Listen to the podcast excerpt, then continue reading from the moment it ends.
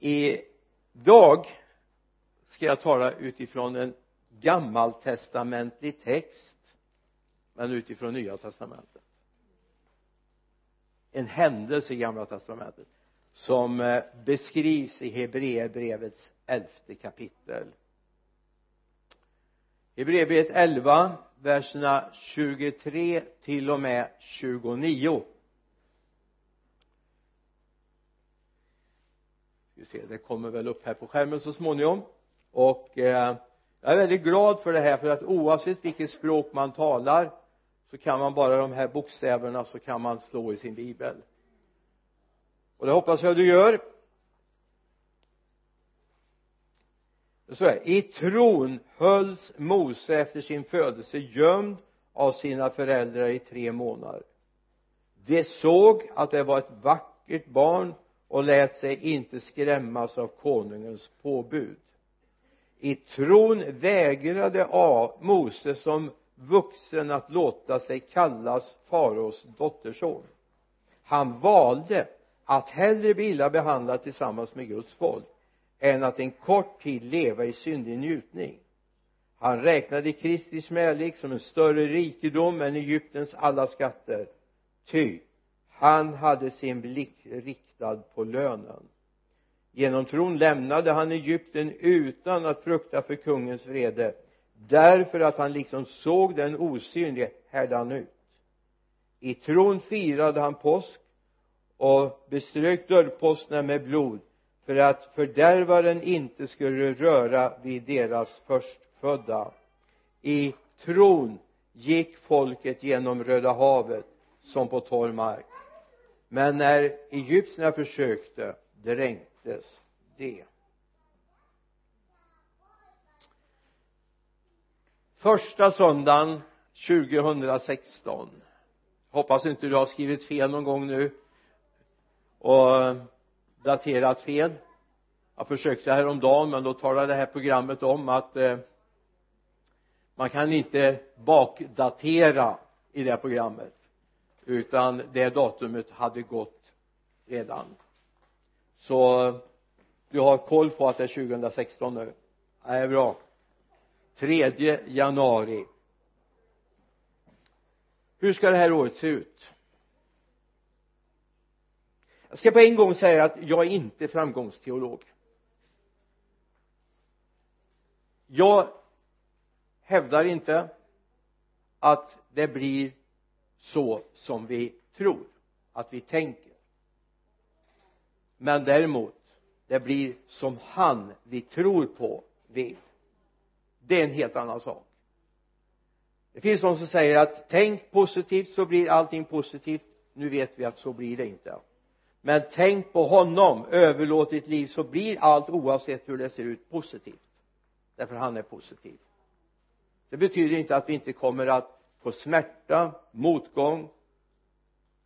Men vi kan ändå bestämma vad vi vill med vårt liv. Det har att göra med vem vi vill gå med.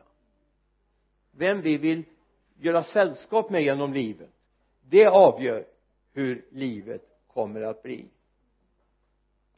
Så vad siktar du på under det här året? Alltså jag menar ju inte på att du ska sikta på att bli eh, miljonär att aldrig vara sjuk. Men vad kommer ditt liv att generera? Vad kommer det ge för någon frukt ditt liv? Vem kommer du tjäna med dina dagar och år? Det, det är det frågan om.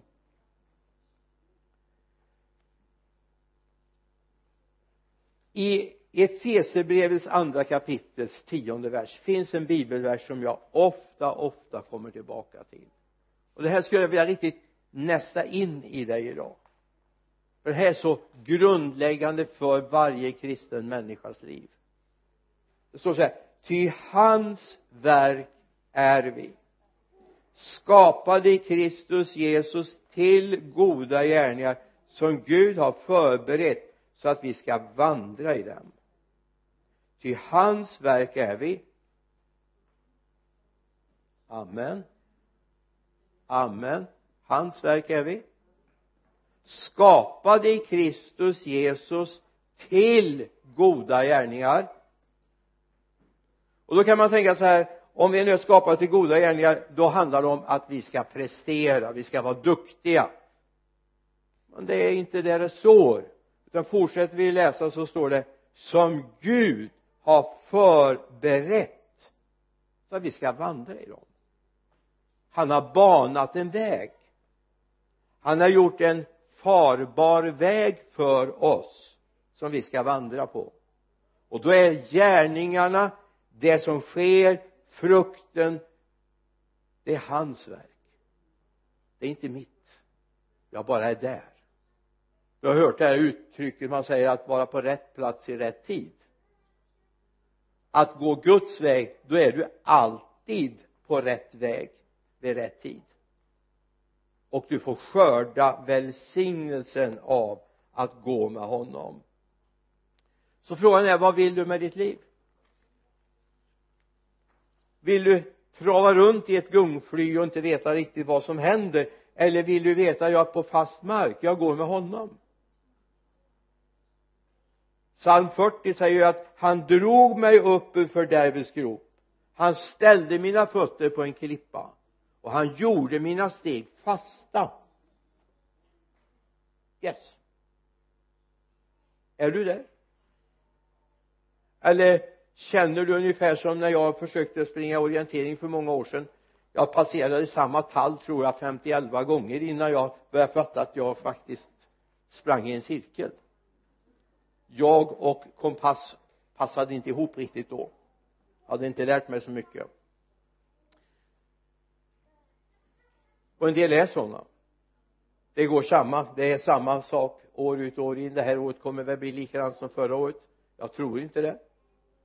Inte om du vill gå med honom så kommer det inte bli samma som det har varit. Så frågan är vågar du acceptera Guds tanke med ditt liv? Vågar du acceptera Guds tanke med ditt liv?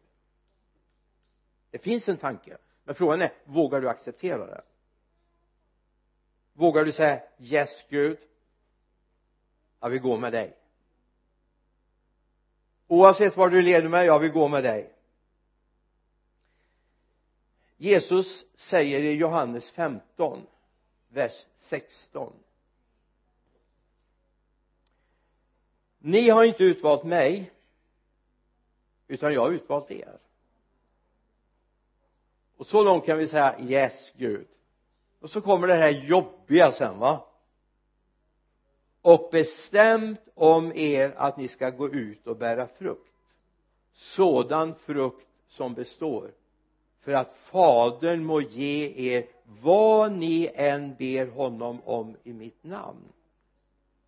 Och bestämt att jag menar för en västerlänning för inte minst en svensk att höra att någon har bestämt någonting över mitt liv är ju jättejobbigt. Kan ju få vånda för mindre saker. Men nu är det så att Gud faktiskt har bestämt någonting över ditt liv. Gud har en plan, en tanke, en vilja för ditt liv. Och frågan är är du där? Är du där? Har du sagt Gud jag accepterar din plan för mitt liv. Jag har snurrat på alldeles tillräckligt i egen kraft och nu vill jag gå i din kraft. Jag ska bara säga på en gång så inom parentes jag har inte glömt bort att vi läste om Mose från början. Jag har inte gjort det. Man kan ju tänka sig annars i den här åldern att seniliteten börjar ta över lite grann men jag har pejl. Jag har det åtminstone nedskrivet här. Vi ska passera Mose så småningom i Johannes 15 i början där vi kan ta verserna 4 och 5 står det någonting spännande. Förbli mig så förblir jag er.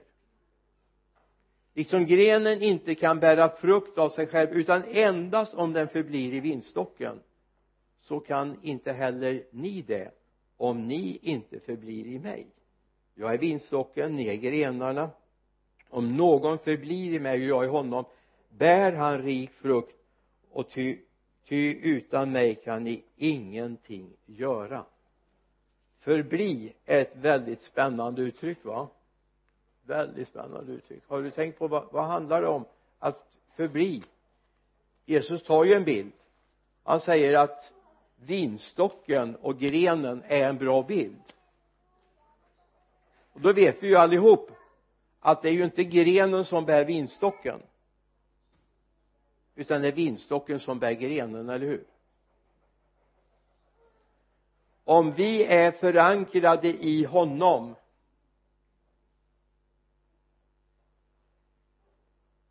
då förblir vi och då pulserar hans liv. Det finns en tanke i om vi går till Lukas 19 där Jesus talar om Sackeus vers 6 vi se. Vers 5 är det.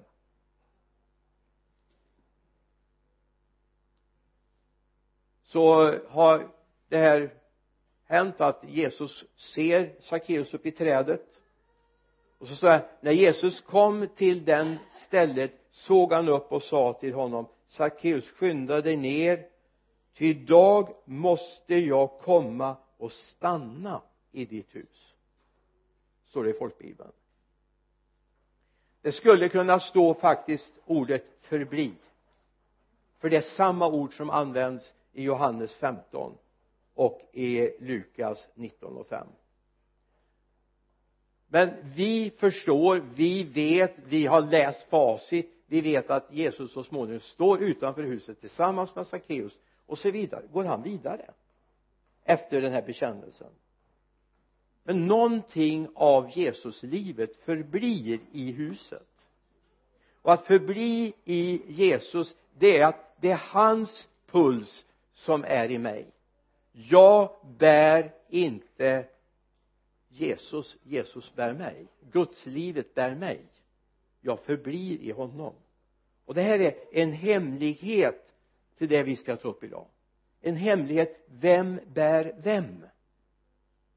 Är det visionen från Gud som bär mig eller bär jag visionen?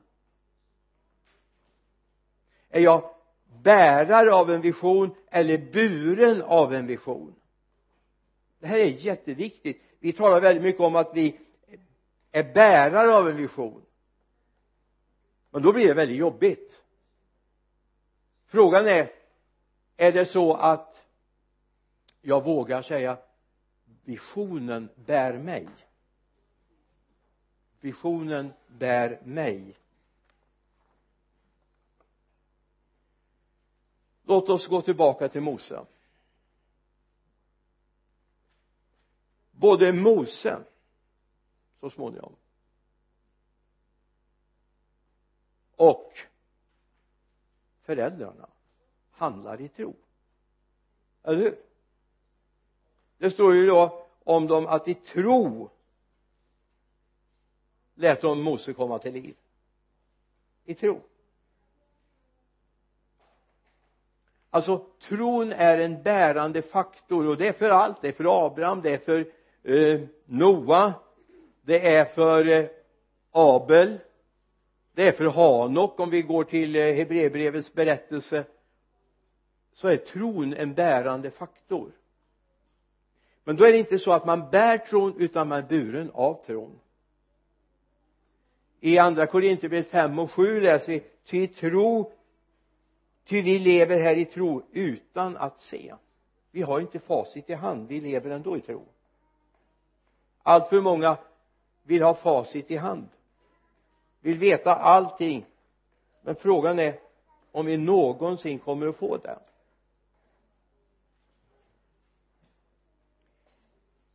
Det är spännande med, med Mose. Det står faktiskt att de såg att Mose var ett vackert barn. Har du lagt märke till det? Det står även om du tittar i i andra Mosebok 2.2 så står det att ett vackert barn. Det är mycket märkligt. Handen upp. Alla ni som är föräldrar. Är det någon av er som någon gång har sagt till ert barn var fult?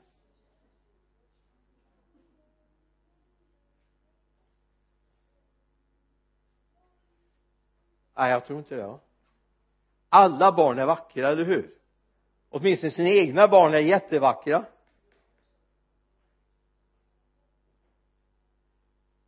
Så visst är det väldigt märkligt att det här är liksom grunden. De såg att Mose var vacker.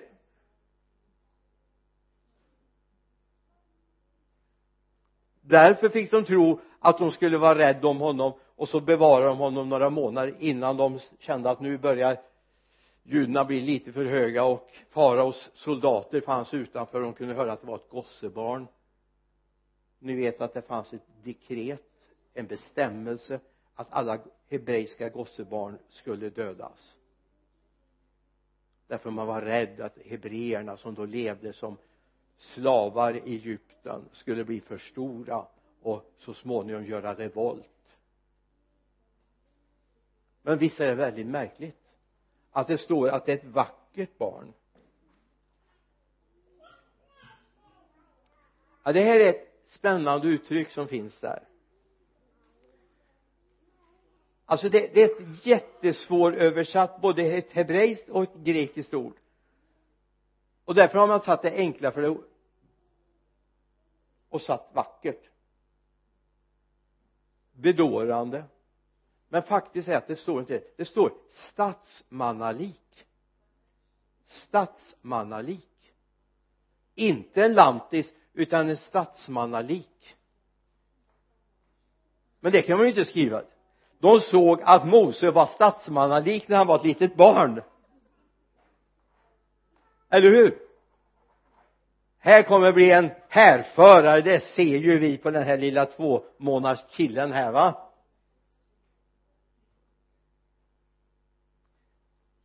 Och så tänker nog bibelöversättarna också. Men det fanns en profetisk tanke i det här. Det är enda gången jag kan hitta att det står att barnet var vackert. När det var så litet va? Så man var rädd om det.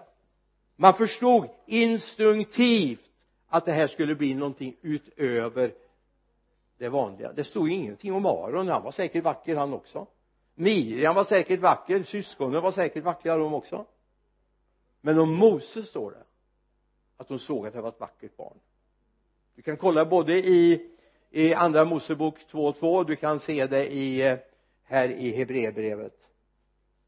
Men det finns en Guds tanke någonting landar i föräldrarnas hjärtan. Någonting som ger dem tro för det här barnet. Men vem ja, nu har vi inga krokodiler här i i eh, Göta älv neröver här. Och det är ju väldigt gott, eller hur? Och inte så mycket krokodiler ute i Vänern heller. Men i Nilen var det uppsjö av krokodiler. Och så tar man och så bekläder man den här korgen med jordbäck gör den vattentålig sätter ut den med det lilla späda barnet i vassruggen vid Nilens kant. Man ställer syrran Miriam och vakta för att kolla vem ska hitta barnet. Och tror ni att det är en tillfällighet att det är Miriam eller är, är faraos dotter som hittar? Jag tror inte det är en tillfällighet.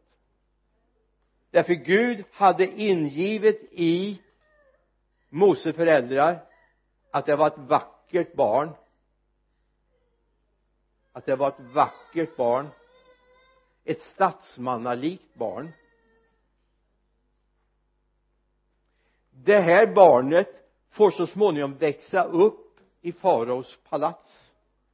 Statsmannalika barnet får växa upp ja men Gud är fantastisk, eller hur? Gud är enorm. Vilken timing. Att det är just faraos dotter som kommer och fångar upp barnet. Hon ser att det är en hebreiskt gossebarn. Hon vet sin pappas dekret. Vem skulle utöver henne kunnat upphäva det dekretet för det här barnet? Fråga mig. Jag tror inte det var någon annan. Även en farao kan vara svag för sin dotter.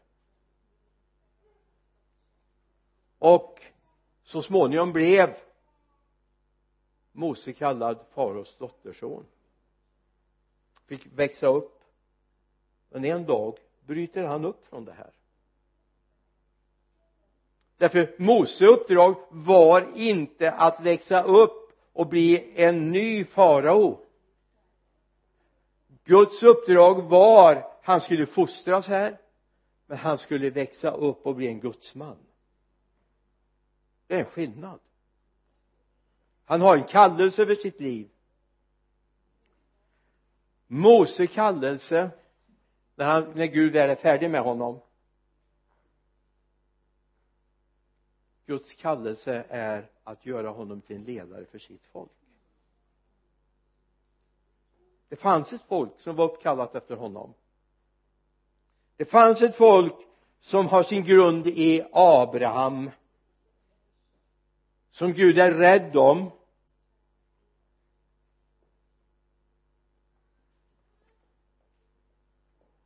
Men första steget på den resan den gör Mose föräldrar. De har timing av Gud. En dag med den här kallelsen med det här uppdraget som han känner att han hellre vill lida tillsammans med Guds folk än växa upp där i den här njutningen i faraos palats. Han vet trots att han växer upp ibland faraos alla barn och barnbarn vad han nu kan ha haft växer upp med all den goda maten i all den tryggheten så vet Mose vem han är. Han vet vem han är. Mose vet att han är en hebré att han inte är en egyptier och därför väljer han att bryta upp och lämna faraos hus.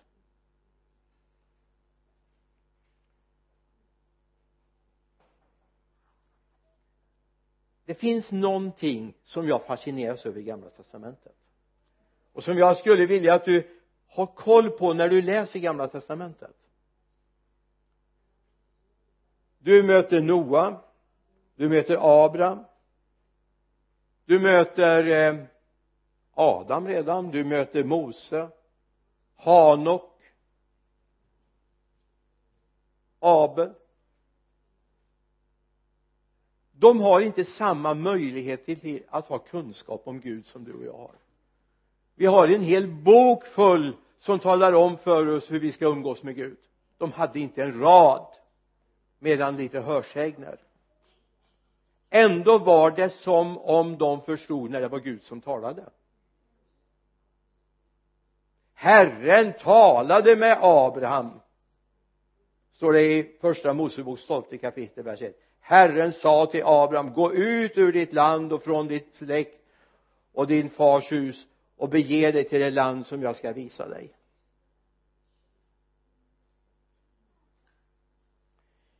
I andra Moseboks tredje kapitel så läser vi om Mose och Herren sa jag har sett hur mitt folk förtrycks i Egypten och jag har hört hur de ropar över sina plågare. Jag känner till deras lidande. Ja att Mose lite granna kunde förstå att det här var Gud. Det ser du om du tittar på sammanhanget var är han när Gud talar? Jo han är vid den här pyrotekniska eh, funktionen där vid, i, i, eh, ute vid Horeb. En buske brinner. Ändå brinner den inte upp. Han hör en röst säga Mose kom inte hit. Ty platsen här är helig. Ta skorna av dina fötter och träd fram inför mig men där hör han Herrens röst. Och då kan man börja fundera så här var det bara i gamla testamentet Gud talar så tydligt? Har Gud förändrats? Ja han har fått sin son Jesus Kristus han har betalat priset han har hängt på korset han har dött han har uppstått för vår skull han har sänt hjälparen den helige ande. Och vi har blivit blomhörda ja det stod det ju inte förstås. Det är min egen konklusion av det hela.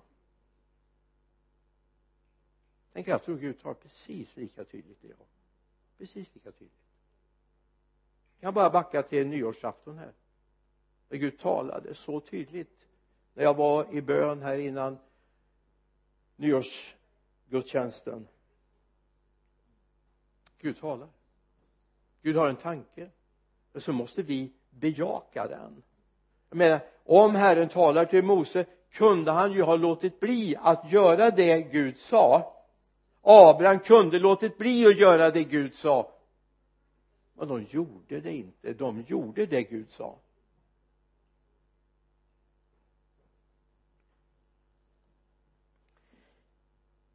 Mose uppdrag vilade i tron. Abrahams uppdrag vilade i tron och tron för oss det har blivit något mycket märkligt.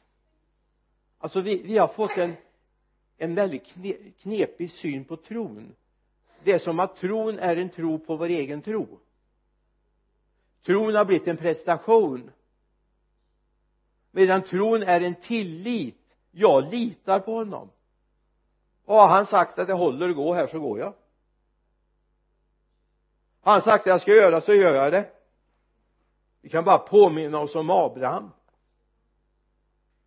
Abraham kämpar är förtvivlad går i bön inför Herren. Han har fått ett löfte att få en son och de är barnlösa. Vi vet att Abraham misslyckas också. Vi vet om Ismael. Vi vet om det. Men en dag har han fått sin son jag menar det var ju inga ungdomar precis som fick barn då, eller hur va? En hundraåring. Yes. Och eh, Sara var inte så långt efter. Och så kommer Gud en dag och säger Abraham jag vill att du offrar Isak. Alltså en av de mest bestiala texterna egentligen i, i som, som vi vet att Gud har sagt.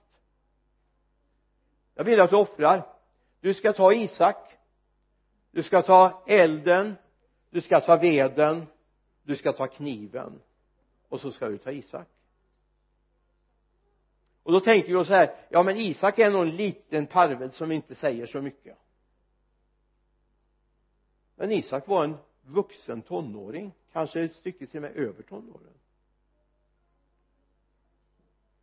Och så går de på vägen har några tjänare med sig? Åsnorna? Och så frågar Isak far vi har elden. Vi har veden. Vi har kniven. Men pappa var är offret?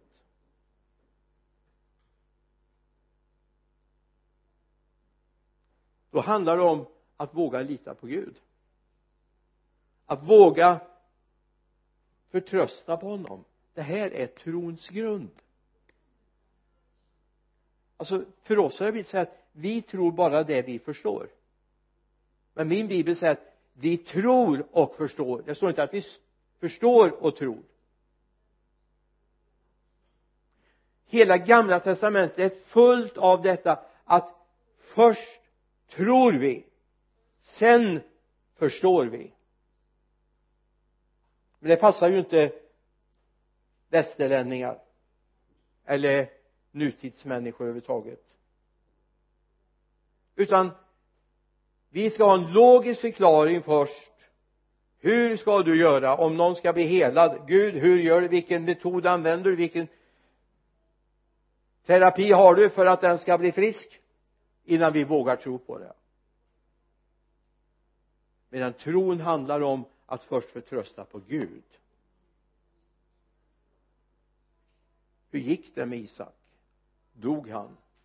De kom fram till punkten där Abraham faktiskt hade bundit honom, lagt honom på altaret tagit fram kniven. Då kommer Guds röst. Gör honom inte illa.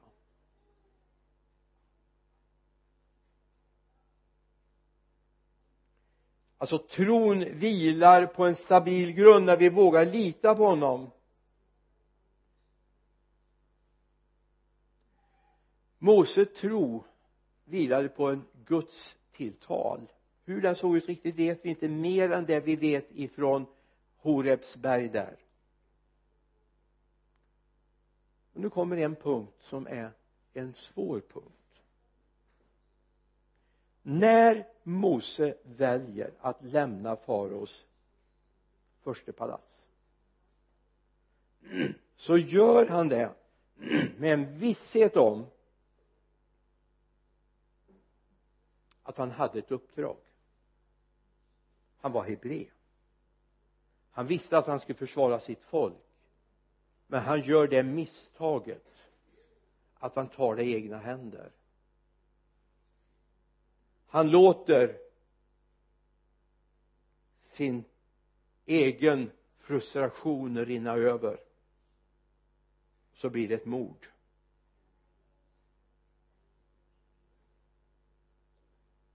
Han blir förskräckt. Han tänker han har gömt den mördade i sanden. Så tänker att ingen kommer att veta någonting. Ända tills han möter några som träter med varandra han säger ska ni som är bröder verkligen träta med varandra? Vänner och som säger ska du göra med oss som du gjorde med egyptien? Och så småningom kom det här inför faraos öron. Och han får fly.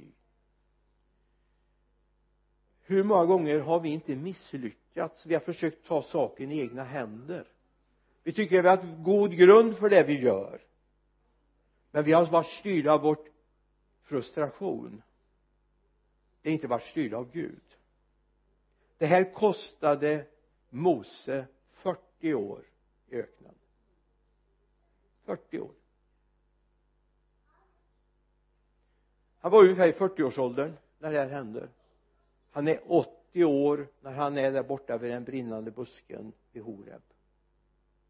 De åren behövde han för att kunna lyssna in tygla sitt temperament veta att det är Gud som leder.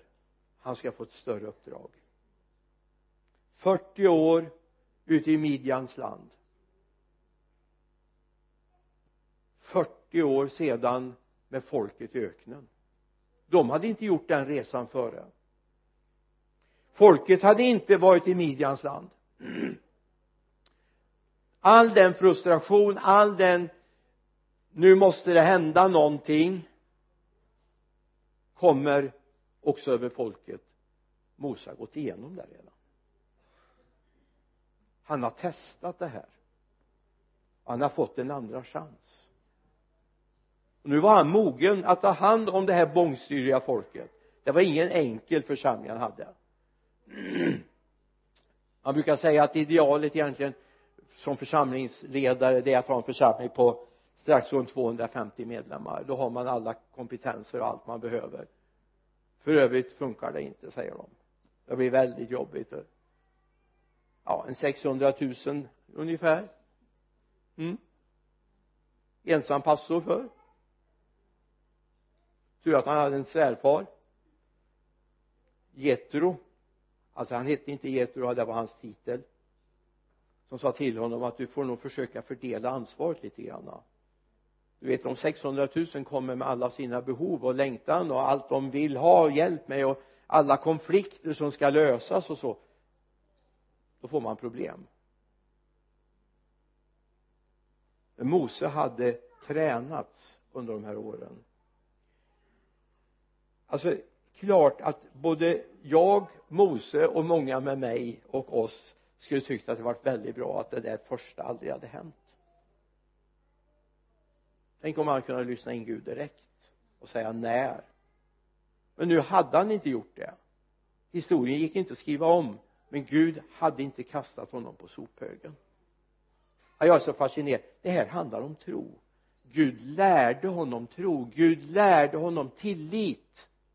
Gud lärde honom vem han ska lyssna på och när man ska gå och när man ska vara stilla. Och för säkerhets skull skickar också Gud med så småningom ett moln som ska gå över folket och som ska lysa upp om natten. Gud har omsorg om sina barn.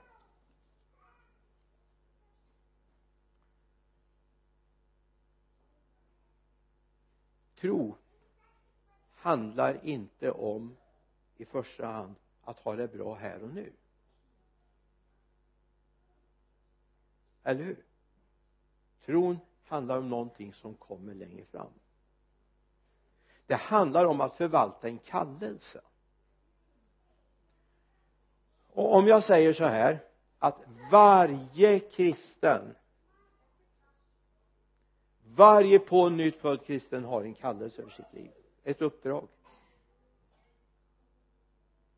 Varje pånyttfödd kristen har ett uppdrag.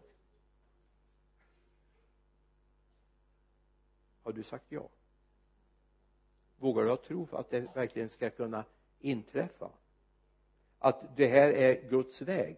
Eller tänker du fortsätta att kämpa och köra ditt eget race? Som huvudparten tror jag av många kristna gör i vår tid. Man kör sitt eget race. Men Gud har en kallelse över ditt liv. Gud har någonting han vill med ditt liv. När det väl drabbar dig så kommer du få uppleva det Jeremia upplevde. Det här är ett bibelord som jag kan relatera till själv och jag citerar det många gånger och gärna Jeremia 20 vers 7 och ett par verser framöver. Där säger Jeremia du herre övertalade mig och jag lät mig övertalas. Du grep mig och blev mig övermäktig så jag har blivit en ständigt åtlöje. Alla hånar mig. Ty så ofta jag talar måste jag klaga. Över våld och förtryck måste jag ropa. Ty Herrens ord drar över mig spott och spe hela dagen. Jag tänkte jag vill glömma honom. Och inte mer tala i hans namn. Då blev det i mitt hjärta som en brinnande eld instängd i mitt innersta jag ansträngde mig att härda ut men kunde det inte. Jag vet inte om du har kommit dit. Jag är rädd för att du inte har det. Det här ligger djupt på mitt hjärta. Kallelsen från Gud brinner inte i dig som den skulle.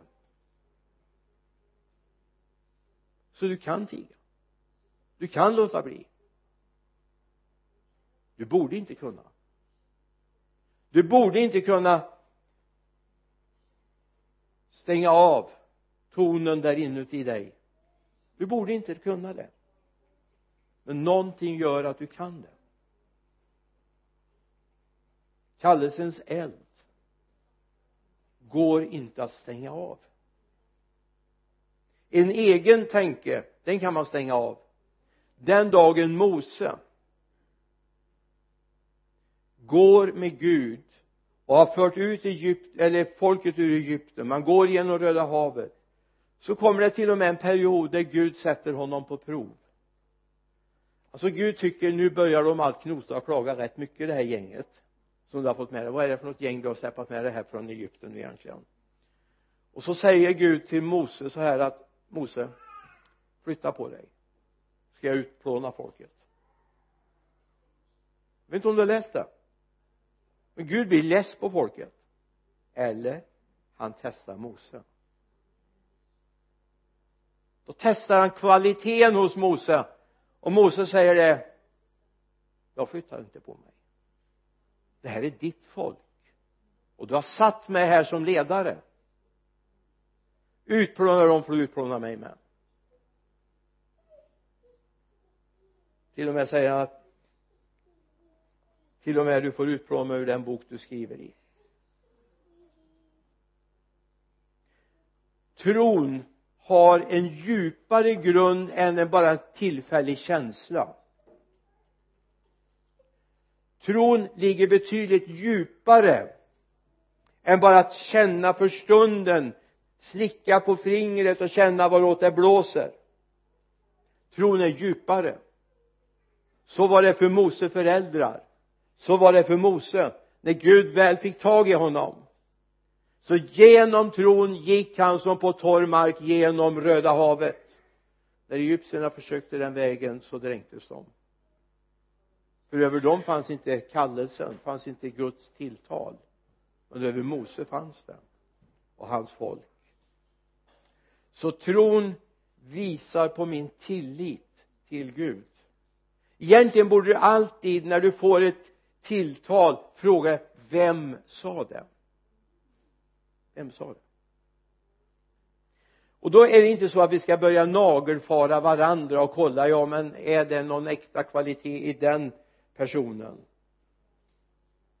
Gud kan ju till och med uppväcka bröd ur stenar och till och med ur döda stenar kan han få folk att tala va? Någon sa ju det till och med att kan en åsna tala så är det väl inte underligt om många människor talar som åsnor. Men det var en annan predikan. Så den tar vi inte idag. Alltså det handlar inte om vem som är budbäraren. Det är ju inte så här att om du får en obekväm räkning hem i brevlådan så springer du inte efter brevbäraren och skäller ut honom eller hur? Utan frågan vem kom det ifrån? Vem var det som sa det egentligen? Är det här ett gudstilltal? Det är den prövningen vi ska göra. Och Gud vill föra oss långt mycket längre under 2016 än vad du kan drömma om. Men frågan är vill vi gå med honom? Är det så att vi tror först och förstår sen? Eller vill vi förstå först och tro sen? Amen herre jag ber att det här ska få landa i våra hjärtan. Herre jag ber att ditt ord herre ska få göra det som du vill i oss. Jag ber om det i Jesu namn. Herre jag ber att vi ska ha en större respekt för dig och ditt tilltal för förkunnelsen för bibelordet. Herre en lyhördhet för dig. Vi ber om det i Jesu namn. Amen. Amen